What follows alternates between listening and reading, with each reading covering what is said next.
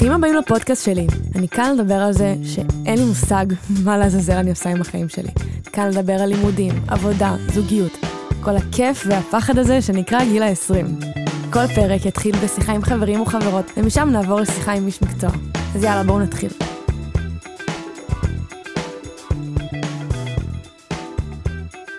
שלום לכולם וברוכים הבאים לפרק נוסף של הפודקאסט. לפני שאנחנו מתחילים, אה, היה לי חשוב להוסיף את החידוד הקטן הזה, אה, רק שלי, לפני השיחה עם הבנות, כי הרגשתי שלא לא מספיק העברתי את המסר, לא מספיק הצגתי אותן טוב, אה, אז אני אציג אותן באופן רשמי יותר.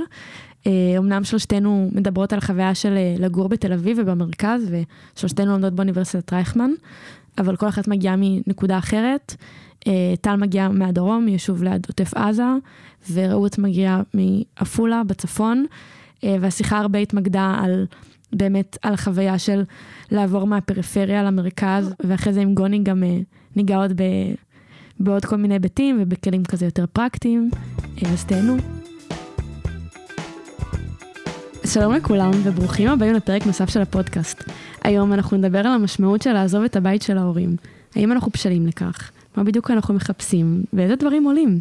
ובשביל זה מצטרפות אליי טל כהן ורות גמלק, ששתיהן בנות 24, סטודנטיות של ממשל וקיימות באוניברסיטת רייכמן. אה, מה שלומכן? בסדר גמור. מעולה. טוב, אז בא לי להתחיל אה, בשאלה הראשונה, תענו חופשי. אה, מתי עזבתן את הבית של ההורים, וכאילו, כמה הייתן, ובאיזה נסיבות זה היו? וואי, אני כאילו מרגישה שעזבתי פעמיים, מרגישה שעזבתי ישר אחרי התיכון, כאילו כזה למכינה וישר לצבא וזה, ותכלס, לקחת תיק ולעזוב זה היה ממש אחרי הצבא.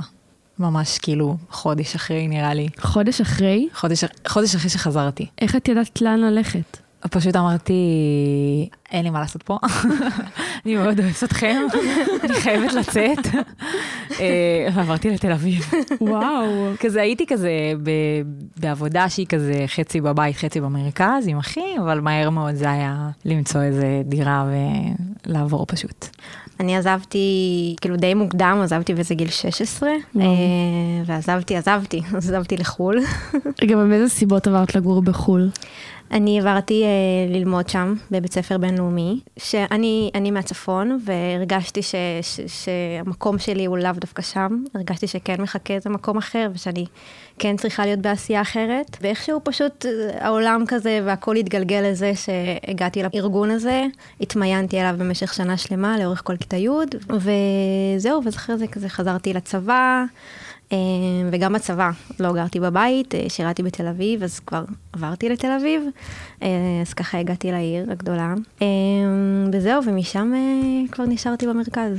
אני ורות דיברנו על זה פעם אחת, ואמרתי לה שהרגשתי אני לא יודעת אם את זוכרת את השיחה הזאת, הרגשתי בול כמוך, אני מהדרום, מהצד השני, וגם כאילו הייתה לי תמיד התחושה של, בגיל 16 כבר אמרתי, כאילו בא לי כבר את העיר, ובא לי לצאת, וזה קטן לי מדי, כל מיני דברים כאלה. לגמרי. כן. אני זוכרת, כזה בתור ילדה, הייתי ממש כאילו ממש אהבתי כזה סדרות טלוויזיה וזה, והיה כזה השיר שלנו ודני הוליווד וכל הסדרות האלה, שכזה מראים לך תמונות של העיר של תל אביב, והייתי כזה, ממש. הייתי ממש, הייתי פסינטד, הייתי כזה מודבקת לטלוויזיה, וכזה ממש אהבתי לראות איך כאילו, איך, איך זה נראה, אה, גם אם זה דרך המסך, אז כשהגעתי לעיר, אז אה, זה, זה היה מאוד מושפע מזה, אה, החוויה שלי שם, לי הייתה חוויה מאוד טובה. מההתחלה, כאילו מהרגע שהגעת לעיר? Um, הגעתי לעיר בתקופה של הצבא, אז ככה שכן הגעתי לשם כשהייתה לי כבר מסגרת מאוד מסודרת, עם שעות מאוד מסודרות, עם, uh, עם, עם, עם אנשים שהם בעצם גם מאזור המרכז, אז כן הגעתי למקום מאוד מסודר, אז עליי זה מאוד הקל. אמ, שירתי ביומיות, אז ממש, אמ, כאילו זה, זה באמת מאוד הקל עליי. והייתי מסיימת את ה... היינו מסיימים בבסיס, ואז היינו קופצים לבירה, והייתה לי חוויה ממש טובה. עבדתי, כאילו כזה, נרשמתי לכל מיני כזה חוגים כזה. זה כיף.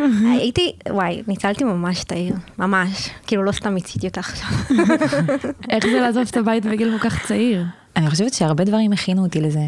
טיולים של תנועה ולישון מחוץ לבית והמכינה, זה היה מאוד אינטנסיבי והצבא שלי היה כאילו משוגע הייתי רגילה כאילו ל- ל- לעשות כביסה לפעמים במקום אחר, ל- כשהיינו בצבר, בגרעין צבר, כשהיינו מש"קיות, אז היה לנו דירה משל עצמנו, זה נכון. גם סוג של לעזוב.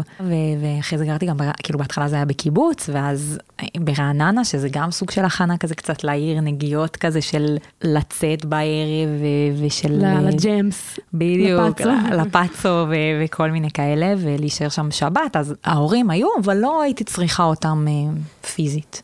שתכן אמרתן משהו שקצת דומה ואני מזדהה איתו גם, של אה, כאילו חוויתן כזה מין תחושה כזה שהכינה אתכן לזה, כזה בין אם זה הצבא או בין אם זה בארגון, אני לא יודעת איך קוראים לו, אז... אה, זה נקרא UWC, יכולה להגיד בקולג'. בקולג'. זה.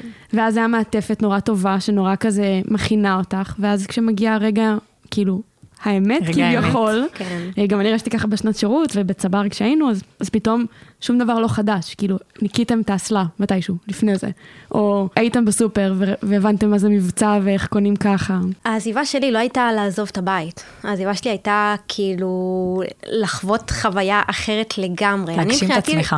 אני מבחינתי לא עזבתי את ה... לא, לא, לא טסתי לבית ספר ש, שלמדתי בו בשביל לעזוב את הבית, טסתי בשביל לחוות כאילו עוד מיליון חו... חוויות אחרות. על הדרך זה כלל את זה שהייתי צריכה לעזוב את הבית.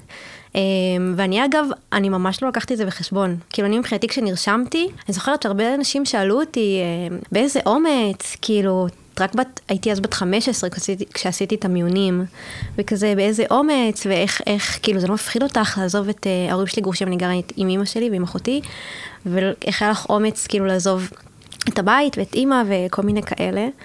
ואני כאילו, כשנרשמתי, אני בכלל לא חשבתי על כל הדברים האלה. זה לא, לא עבר לי בראש, מראש הייתי כל כך מפוקסת במה אני כן רוצה. אה, וגם כל, כל פעם כששאלו אותי, אמרתי, "לא, אני לא מרגישה שום אומץ. כאילו, צריך את הפחד בשביל שיגיע אומץ, ואני לא הרגשתי בכלל פחד, אני בכלל לא הייתי, אולי, אני לא, לא הייתי מודעת לזה בכלל. ולגמרי פשוט הלכתי על זה, והיום כשאני מסתכלת אחורה, אני הכי, כאילו, אני, אני ממש רואה את מה שהם אמרו. ואיך זה לגור עם שותפים? יש לי לכאן ולכאן. מאוד... אה, יש לכם סיפור גם עם שותפים כזה? יש לי מלא, תפילו, אנחנו יכולות. לשבת פה ארבע שעות, כאילו, ארבע שעות ולספר לך. אני חושבת שישראלים מאוד מוכנים לדבר הזה, לא רק אני, הרבה ישראלים מוכנים לדבר הזה, מהמכינה, הרגשתי שאני מוכנה לצבא, מהצבא שוב, אין טעם לחזור על הסאגה הזאת, אבל הייתי בדירות שותפים, שמצד אחד היה לי מאוד אינטנס, כאילו, אני אוהבת את זה, אני אוהבת שיש כאילו, שאני לא לבד בבית. לי זה כיף כאילו ש... שמבשלים ביחד, בדירה, אה, בדירה האחרונה שלי היינו עושים ערבים ביחד, הייתה דירה שכאילו כל מה שחלמתי, לא יודעת אם כל, איך שדמיינתי דירת שותפים, ככה זה היה. וואו. כאילו, נכון, היא לא הייתה הכי יפה, אבל היא הייתה מאוד גדולה. הייתי עם שלושה בנים, זה לא צחוק, הייתי עם. שלושה בנים.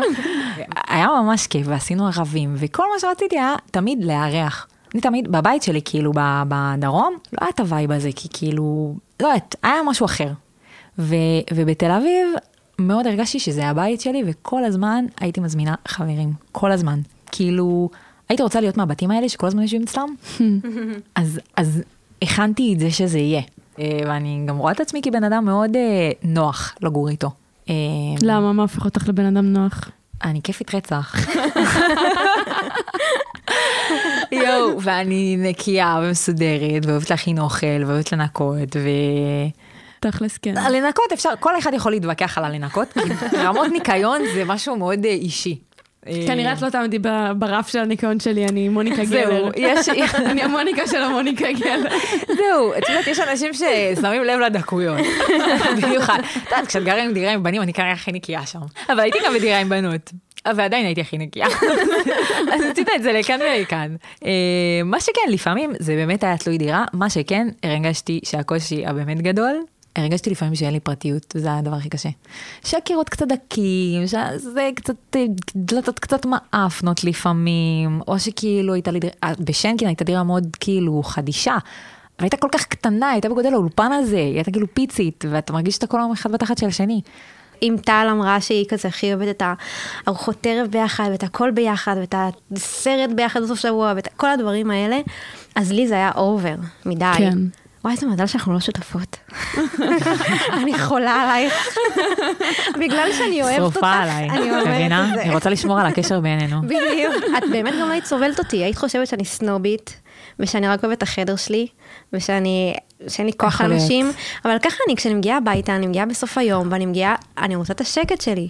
ושם זה היה מאוד ארוחות ביחד, ו- ולשבת ביחד, וממש הרגשתי שאני צריכה קונטרה לזה, והגעתי לדירה שהיא הכי רחוקה מזה. זה היה מאוד, אה, די כל אחד כזה בפינה שלו. אה, היו נגיד, אה, עברנו ביחד את שומר חומות, ואז כזה היה מלא אזעקות בתל אביב, אז זה היה כזה הכי ביחד שלנו. אז רגע לפני השאלה האחרונה שלי, אה, יש לכם משהו שאתן רוצות להוסיף? אם הייתי יכולה, השיקול היחידי הוא מבחינה כלכלית, אם הייתי יכולה להישאר עוד כמה שנים בבית, הייתי עושה את זה. תשארו בבית ותיקחו את הכסף של ההורים. בול. עד, שאני, עד שאתם נחנקים. עד אין שאתם לא משהו. יכולים. הם נחנקים. טוב, אני רוצה שנסכם את השיחה, ועלה לי משהו שאני רוצה לשאול כזה כל אחת. יש לכם משהו שאתן יכולות לומר שלמדתן על עצמכן, בתור החוויה הזאת של אה, לעזוב את הבית של ההורים ולגור אה, לבד, כאילו לבד שותפים, עם בני זוג, כאילו, לא, לא תחת ההורים. למדתי על עצמי שאני כל כך גרועה בלנהל את הזמן שלי. ככל שהייתי יותר זמן ב, ב, מחוץ לבית, למדתי לנהל את זה. למדתי מה חשוב לי יותר, מה חשוב לי פחות, איפה אני משקיעה את הזמן שלי. מה, מה אמרתי לכם, אני מאוד אוהבת את הביחדנס. מה, אני חייבת לשים לי ברזל זמן לבד. כי אז אני...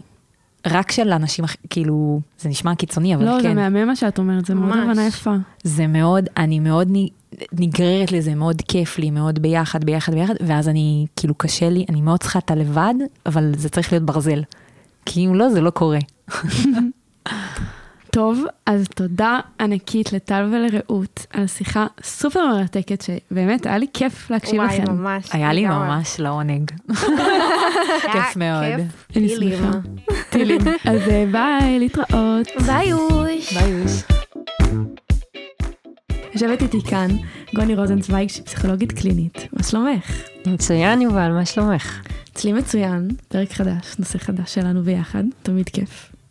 אה, אנחנו יכולות לדבר, אה, להמשיך את השיחה של החברות על לעזוב את הבית, ואני אשמח לשמוע את זה גם מהנקודת מבט שלך.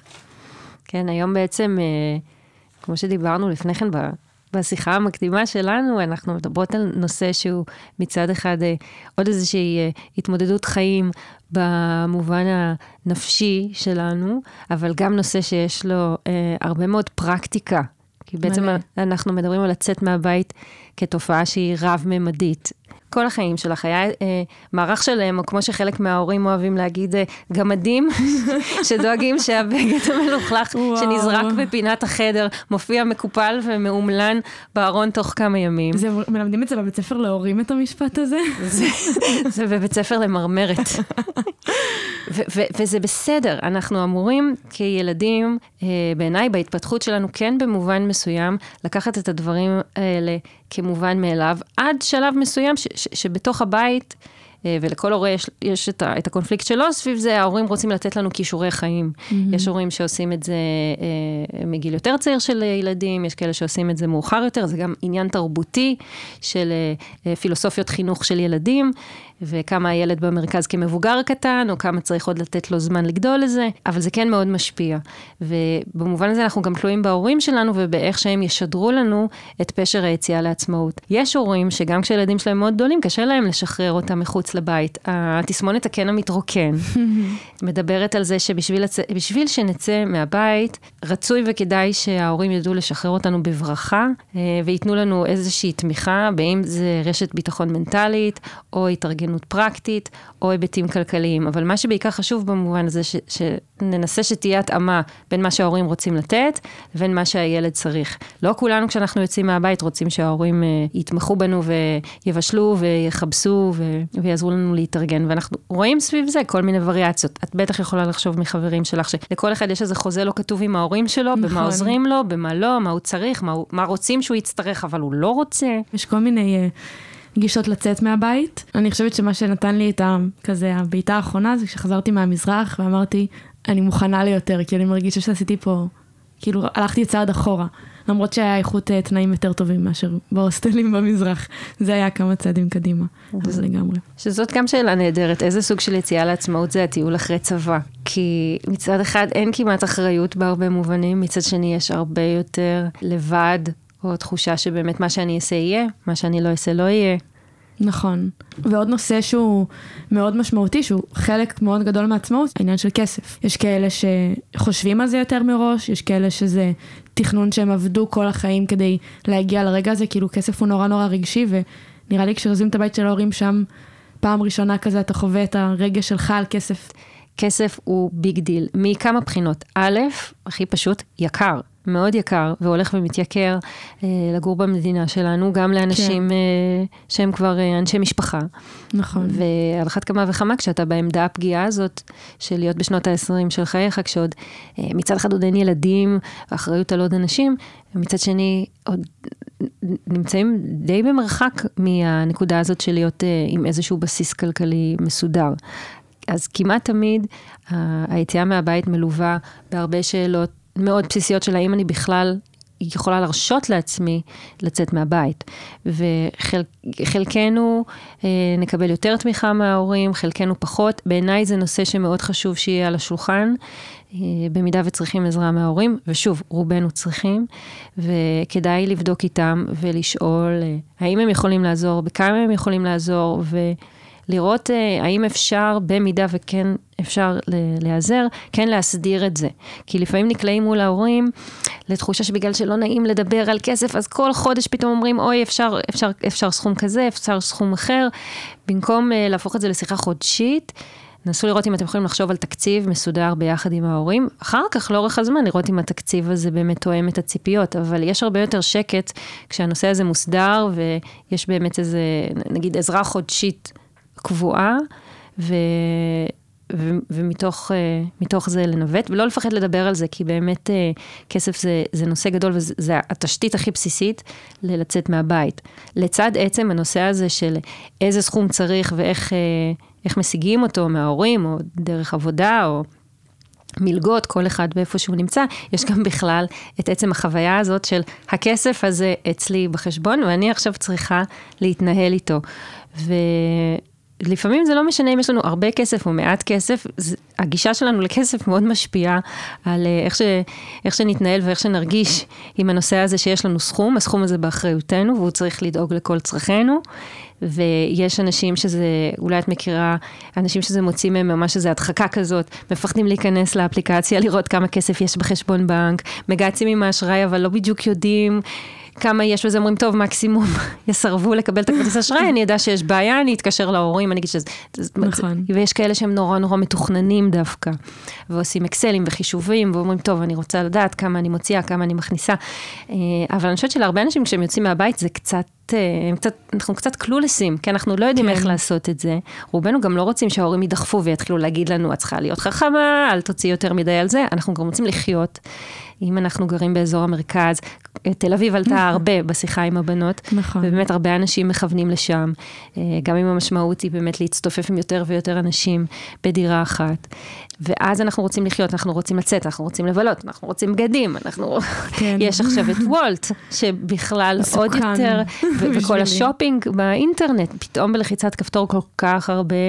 אה, כל כך הרבה דברים יכולים להגיע הביתה. פתאום צריכים אה, גם להרשות לעצמנו להתנסות, אבל גם באמת להבין שזה איזשהו חוש אחריות שאף אחד לא יבוא ויגיד לנו, תעצרי, את אה, מוציאה יותר מדי, את צריכה לחשב מסלול מחדש. זה דברים שאת תלמדי על בשרך. כל אחד מאיתנו עובר סביב זה אה, איזושהי אה, התארגנות אחרת. אם אנחנו נהיה ב over monitoring ולחץ, אז אנחנו גם נהיה נורא קשים עם עצמנו ונסתבך עם זה. אם אנחנו נהיה loose ומדחיקים, אה, אז גם זה יחכה לנו מעבר לפינה, כי כסף זה משחק סכום אפס. כן. זאת התמודדות מאוד גדולה. ואני חושבת שזה מסתבך עוד יותר, שזה לא רק אני, כאילו, לא אני כיובל, אני מייצג את הבן אדם המצוי בין ה-20, זה גם הסביבה שלי. אז כל אחד עם הבלבול שלו והבלגן שלו, כאילו הוא לומד את זה בעצמו, גם מה שהוא למד מהבית, כמו שאמרת שיש סוגים של אנשים, ואז עכשיו לכי שימי אותם ביחד, תנהלו דירה, איך עושים תיאום ציפיות על משהו שהם אפילו לא, לא שמו לב שזה הדרך שהם חווים את כסף, או ככה ההורים גידלו אותם, לעומת מישהו שהוא בעצם ההפך. איך עכשיו קונים מצרכים הביתה, איך עכשיו בוחרים תקציב לדברים השיתופיים, מה שיתופי, מה שיתופי, מה ביחד, מה לא ביחד. כאן אנחנו בעצם נכנסים לעולם של מגורים עם שותפים. נכון. זאת אומרת, ברגע שאני לא רק מנהלת את עצמי, אני בעצם צריכה אה, לחלוק משאבים עם עוד אנשים. את בטח מכירה ש, שבין ה vision לבין המציאות יש המון וריאציות למה שאנשים עוברים ברגע שהם ברגע ש, שחבורה של זרים מתקבצים ביחד, ולרוב אלה זרים. נכון. אפשר לראות את זה אפילו דרך מה ש, שטל ורעות אמרו, שהן רואות את זה שונה, רעות אמרה שיותר אוהבת את, ה, את החלל הפרטי שלה ויותר את הפרטיות, וטל אוהבת יותר את הקומונה, למרות שהיא אמרה שעם הזמן כבר היא קצת התחילה למצות גם את ה vibe קומונה. אני מיציתי את ה vibe קומונה ביום שהגעתי לקומונה, אז אה, כל אחד גם חווה את זה אחרת, אבל אי אפשר לדעת גם עד שמתחילים את הדברים האלה. זו אחת התופעות הכי, אה, הכי מעניינות בעיניי, מה קורה בין ה vision למימוש סביב הנושא הזה של לגור עם שותפים. באמת, אפרופו גם מה שהבנות אמרו בתחילת הפרק, בין הצורך בלבד לבין הצורך בביחד. כי הרבה פעמים, כמו שדיברנו בפרקים על זוגיות, אפשר לדמיין בן זוג מסוים, אבל אז מתחילים לצאת עם מישהו שכאילו תואם את רשימת המכולת ואנחנו לא רוצים. אז אפשר נכון. לדמיין קומונה אידילית כזאת, ואז להגיע ולהרגיש, רגע, רגע, למה זה לא כיף לי? למה אני מרגישה שזה חונק אותי? למה פתאום אני רוצה להיות אה, קצת מיזנטרופית ולהסתגר בחדר? עכשיו, חלקנו יכולים מול זה להילחץ, או לשפוט את עצמנו, להגיד, מה זה, אני לא מכירה את עצמי, או אני, אני לא חברותית, או מה, מה עובר עליי?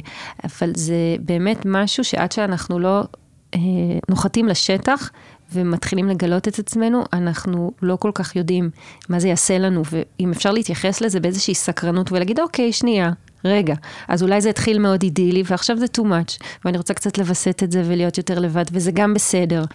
ואז אה, אפשר אולי גם מול השותפים בעצם להגיד, אני לא בכלל רוצה, לא רוצה לראות אתכם, אני רוצה לבנות איזה מודל אחר, וכאילו תנו לעצמכם איזה סבלנות, לראות שרובנו צריכים גם לבד וגם ביחד.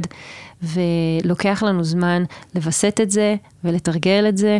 יש שותפים שעם הזמן אנחנו בונים איתם דינמיקה שהולכת ומתכווננת יותר לפי מה שמתאים לכל אחד, ביחד ולחוד. Mm-hmm. יש שותפים שאנחנו מבינים שזה לא מתאים, ואז אנחנו יכולים לעבור לדירה אחרת, אבל זה באמת משהו ללמוד אותו מהשטח. מה, כאילו, מה אפשר לעשות במצב של, אוקיי, עכשיו משהו פה בדירה לא בדיוק עובד לי, לא מצליחה לשים על זה את האצבע, אבל אני יודעת שקשה לי, מה אפשר לעשות בסיטואציה כזאת? לפעמים אנחנו כל כך מסתבכים סביב זה שהגדרנו איזה חוזה אה, לא פורמלי כזה עם שותפים והוא לא עובד, ואז יש הרבה דרמה ואכזבה ומנסים לחשוב מי בסדר ומי לא בסדר, אבל אולי אלה שני אנשים שונים או שלושה שגרים ביחד ולכל אחד יש איזה פילוסופיית חיים אחרת, וזה בסדר גם להפריד ולעשות איזה חיה ותן לחיות.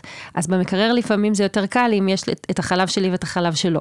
כשאנחנו נכון. מגיעים למשל לניקיון של אמבטיה, אסלה, כיור, אה, זה כבר מכניס איזה מתח אחר, כי בעצם כולם צריכים אה, אה, לתחזק את הבית, ואז זה כבר הרבה מאוד עניין של, אה, של תקשורת, וכמה אנחנו ומי שגר איתנו באמת יכול אה, להבין ולהגיע לאיזה עמק השווה לגבי מה הסטנדרט של כל אחד. לפעמים האתגר הוא לא אה, איזה פתרונות להציע, כמו להגיע להסכמה. ובמובן הזה אין, אה, האם הדרך הנכונה זה שמישהו יבוא לנקות, כן. או שאנחנו נחלק בינינו את הניקיונות, זה האם אנחנו יכולים להסכים. ולפעמים אנחנו קצת מטפסים על כל מיני עצים ו- ו- ו- וחופרים את העקבים שלנו בחול, ואומרים, על זה אני לא אוותר, פרינציפ. אבל אנחנו מגלים שיש דברים שאפשר לשחרר בשביל מה שנקרא שלום בית. נכון. זה נכון לגבי שותפות, זה נכון לגבי זוגיות.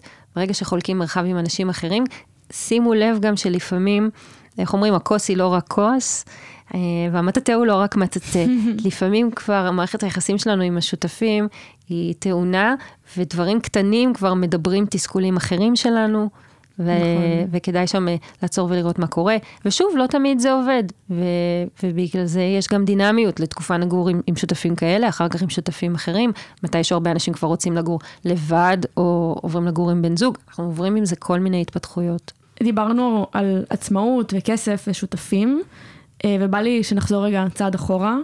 איך אני יודעת בכלל מתי זה הזמן המתאים לעזוב את הבית? שאלה גדולה, שמרכזת אליה הרבה מהדברים שהעלינו עד עכשיו. כי כמובן שזה תלוי בתוכנית כלכלית, במוכנות שלנו להתחיל להתארגן פרקטית על uh, לטפל בעצמנו ולדאוג לעצמנו, או לחלוק את הטיפול הזה עם, עם אחרים שיעזרו לנו. גם מבחינה רגשית, הבשלות שלנו להגיד עכשיו uh, אני יוצאת, ובתוך כל זה כל אחד מאיתנו מוצא את התזמון שלו. השאלה המרכזית היא מה סדר העדיפויות שלנו כרגע, ולצד זה כמובן מה, מה היכולות שלנו. Mm-hmm. ובתוך זה, מבחינה, שוב, טכנית וגם רגשית, כל אחד מאיתנו מוצא את הדרך שלו. טוב, אז הגענו לשאלה האחרונה, שזאת אה, תמיד השאלה כזאת של הקריאה לפעולה שאנחנו עושות. אה, איך בכלל מוצאים דירה? איך עושים את זה? התשובה לשאלה הגדולה הזאת, או לפחות הצעה שיכולה טיפה לעשות אה, סדר, היא הצעה ש... הולכת לשני כיוונים. א', כמו שגם הזכרנו בשיח, יש דברים שאי אפשר לצפות אותם. עד שאנחנו לא נוחתים לשטח, אנחנו הרבה פעמים עוד לא נדע כמה אנחנו קומונליים, כמה אנחנו צריכים את הפרטיות שלנו, האם הגישה שלנו לכסף היא מאוד hands on, או שאנחנו קצת מדחיקנים, איך ננהל את הזמן שלנו, את, את המשאבים. לא הכל אנחנו יודעים מראש, וזה בסדר גמור וחשוב במובן הזה, כמו שאנחנו אומרות בהרבה פרקים, להקשיב פנימה, להיות סבלניים וללמוד מהניסיון. לצד זאת, בגלל שזה צעד שהוא די אסטרטגי וגדול, להרבה אנשים כן עוזר שנייה לעשות איזשהו תכנון. והתכנון הזה יכול להיות דרך לעשות איזו שיחת הבהרה של תיאום ציפיות עם ההורים. אני רוצה לצאת מהבית, מה דעתכם? תוכלו לעזור לי בזה? לא. אה, שנייה לעצור עם עצמנו ולחשוב, האם אנחנו יכולים למשל ללמוד ולעבוד ביחד, או לא, אולי רק משנה ב' של הלימודים, אה, איזה עזרה אנחנו צריכים. ואם אנחנו עושים את הבדיקה הזאת ומבינים איפה אנחנו צריכים עזרה, אנחנו יכולים לדבר עם ההורים ולראות כמה הם יהיו פרטנרים בזה. כי שוב, רובנו לא יכולים לעשות את הצעד הזה בלי תמיכה כלכלית. זה גם לא תמיד ההורים. לפעמים זה...